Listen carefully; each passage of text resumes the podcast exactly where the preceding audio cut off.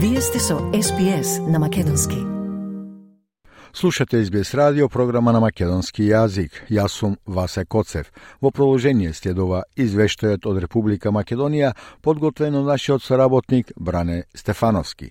Известува на повеќе теми, меѓу кои и за тоа дека ВМРО ДПМН вели дека цитирам, Османи треба да признае дебакал на своето министерување, зашто Македонија не била на списокот за проширување на Европската Унија до 2030 година, а премиерот Димитар Ковачевски пак телефонски разговарал со канадскиот премиер Трудо, додека министерот за надворешни работи Бујар Османи те имал телефонски разговор со министерот за надворешни работи на Руската Федерација Сергеј Лавров. Поопширно за овие настани во извештајот. Thank you.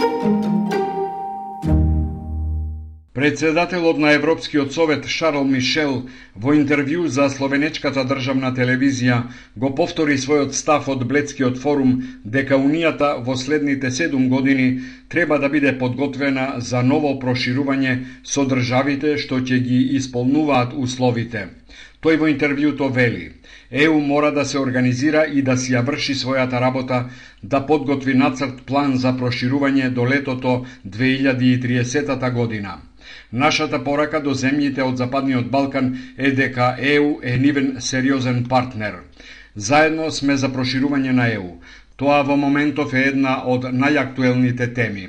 Сите мораме да работиме заедно и да донесеме одлуки што ќе бидат од корист на земјите што сакаат да ни се придружат, вели Мишел во интервјуто за словенечката телевизија.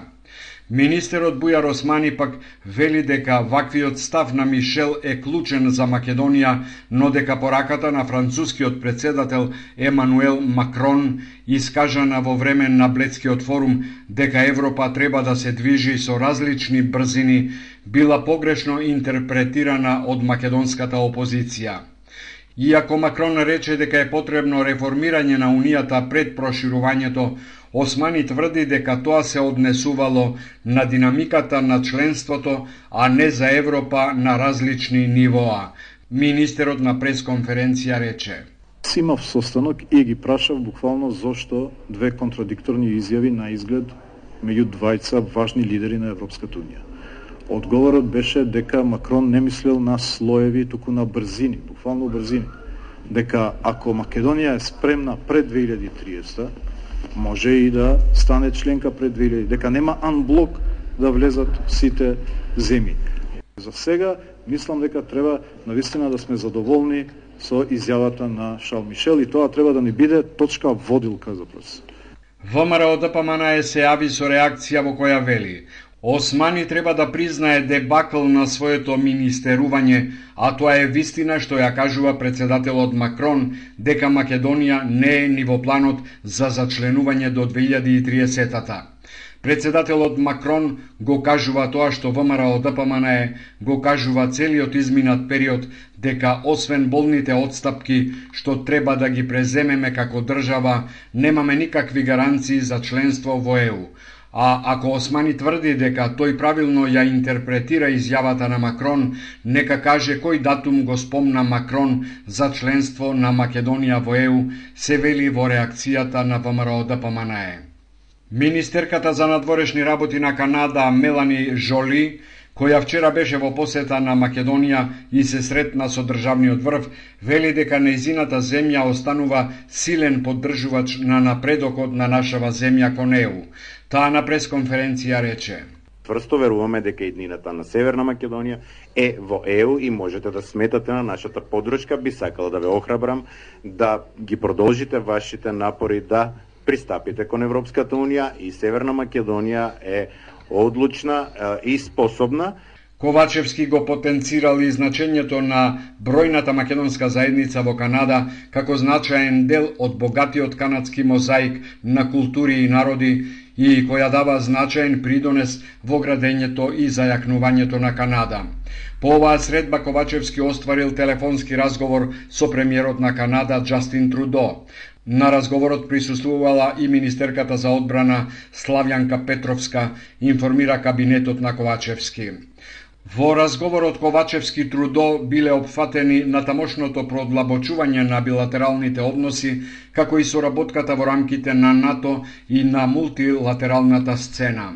Од двете страни била нагласена важноста од продолжување на почнатиот процес за интегрирање на Македонија во ЕУ.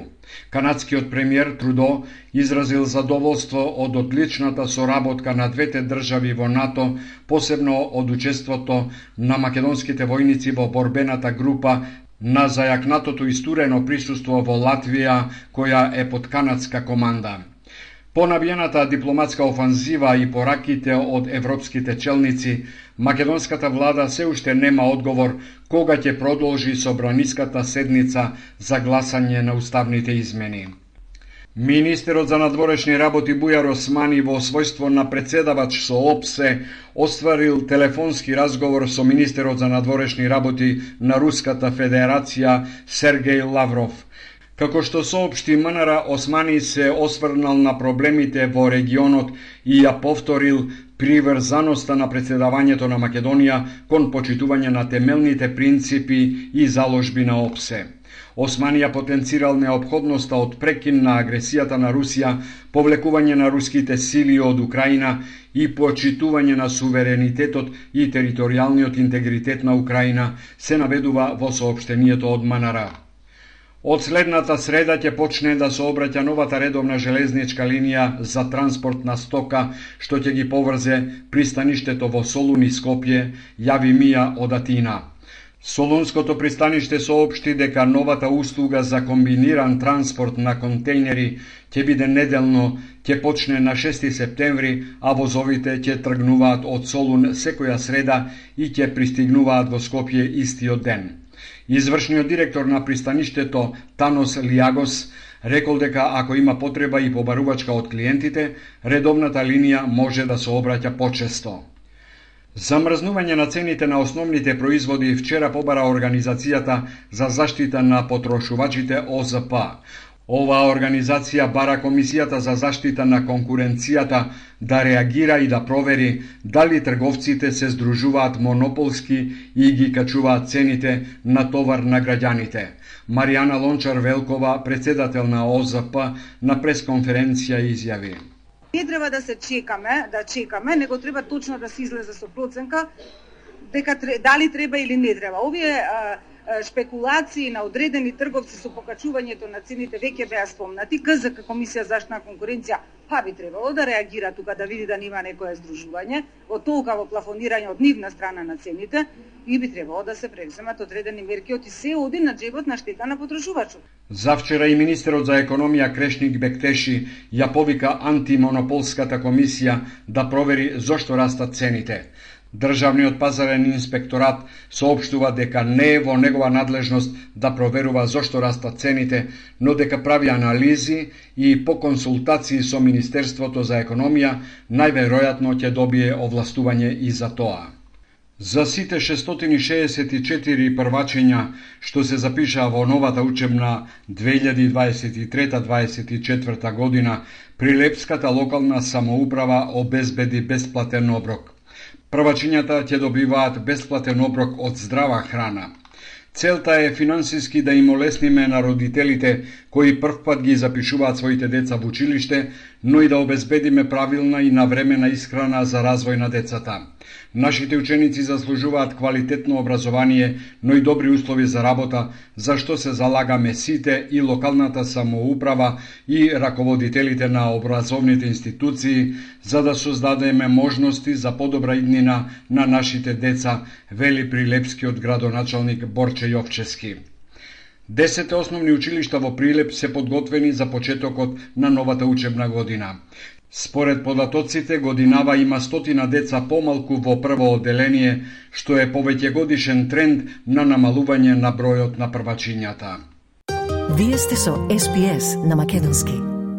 На програмата на македонски јазик го слушавте извештајот од Македонија, денес подготвен од нашиот соработник Бране Стефановски. Стиснете, ми се допаѓа, споделете, коментирајте. Следете ја SPS на Македонски на Facebook.